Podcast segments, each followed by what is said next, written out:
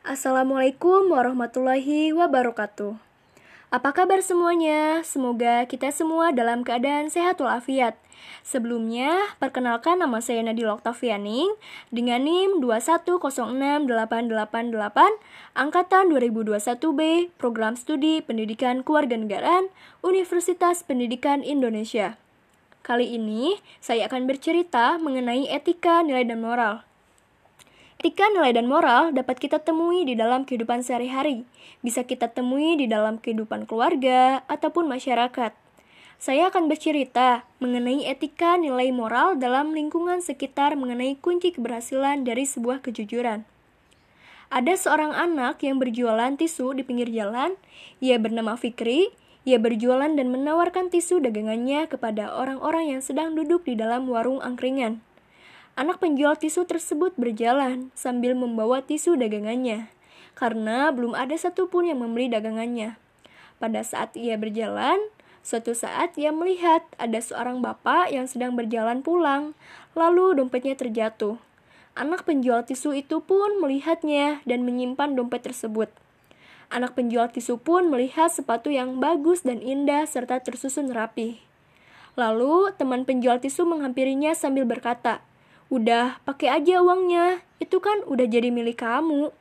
Tetapi, anak penjual tisu mengingat pesan dari ibunya.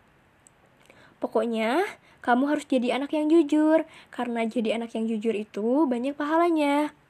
Dan anak tersebut sudah berjanji kepada ibunya untuk selalu jujur dalam hal apa pun.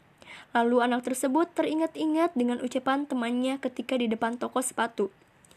Tetapi anak penjual tisu pun mengingat kembali pesan ibu yang telah disampaikan kepadanya. Pada suatu hari, anak penjual tisu itu mengunjungi sebuah warung dan akan membeli sebuah makanan ringan dan mengeluarkan uang dari sakunya. Tetapi anak tersebut selalu ingat pesan yang disampaikan ibunya kepadanya. Dan penjual tisu pun tidak jadi membeli makanan ringan dengan uang yang bukan menjadi haknya.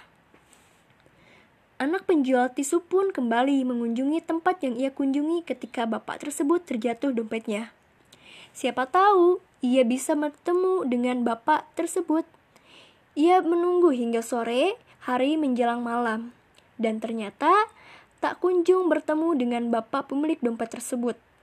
Pada pagi harinya, ia kembali datang mengunjungi tempat yang ia kunjungi kemarin dan mencari bapak pemilik dompet tersebut Kemudian datanglah seorang teman anak penjual tisu dan ia menghampirinya.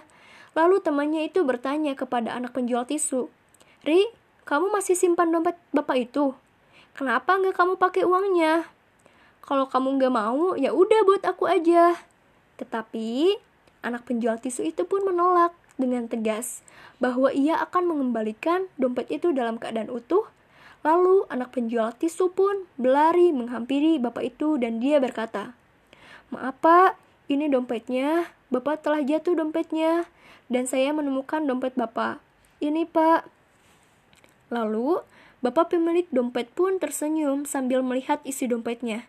Dan ternyata dompetnya masih dalam keadaan utuh tanpa hilang sepeser pun. Lalu bapak tersebut bertanya kepada anak penjual tisu, Nak, Namanya siapa? Nama saya Pikri, Pak. Dan bapak tersebut sangat berterima kasih karena sudah menemukan dompetnya yang hilang dan mengembalikan dompetnya kepadanya. Suatu hari, ia pun kembali mengunjungi sebuah toko sepatu yang sangat ia inginkan sambil melihat sepatu di luar dan hanya bisa melihatnya di balik kaca. Karena ia tidak memiliki uang dan tak sanggup untuk membelinya. Sebelas tahun kemudian, Pikri seorang penjual tisu jalanan menjadi sukses karena sebuah kejujuran yang ia tanamkan sejak kecil. Dan anak tersebut sangat bersyukur karena ia bisa sukses membanggakan ibunya.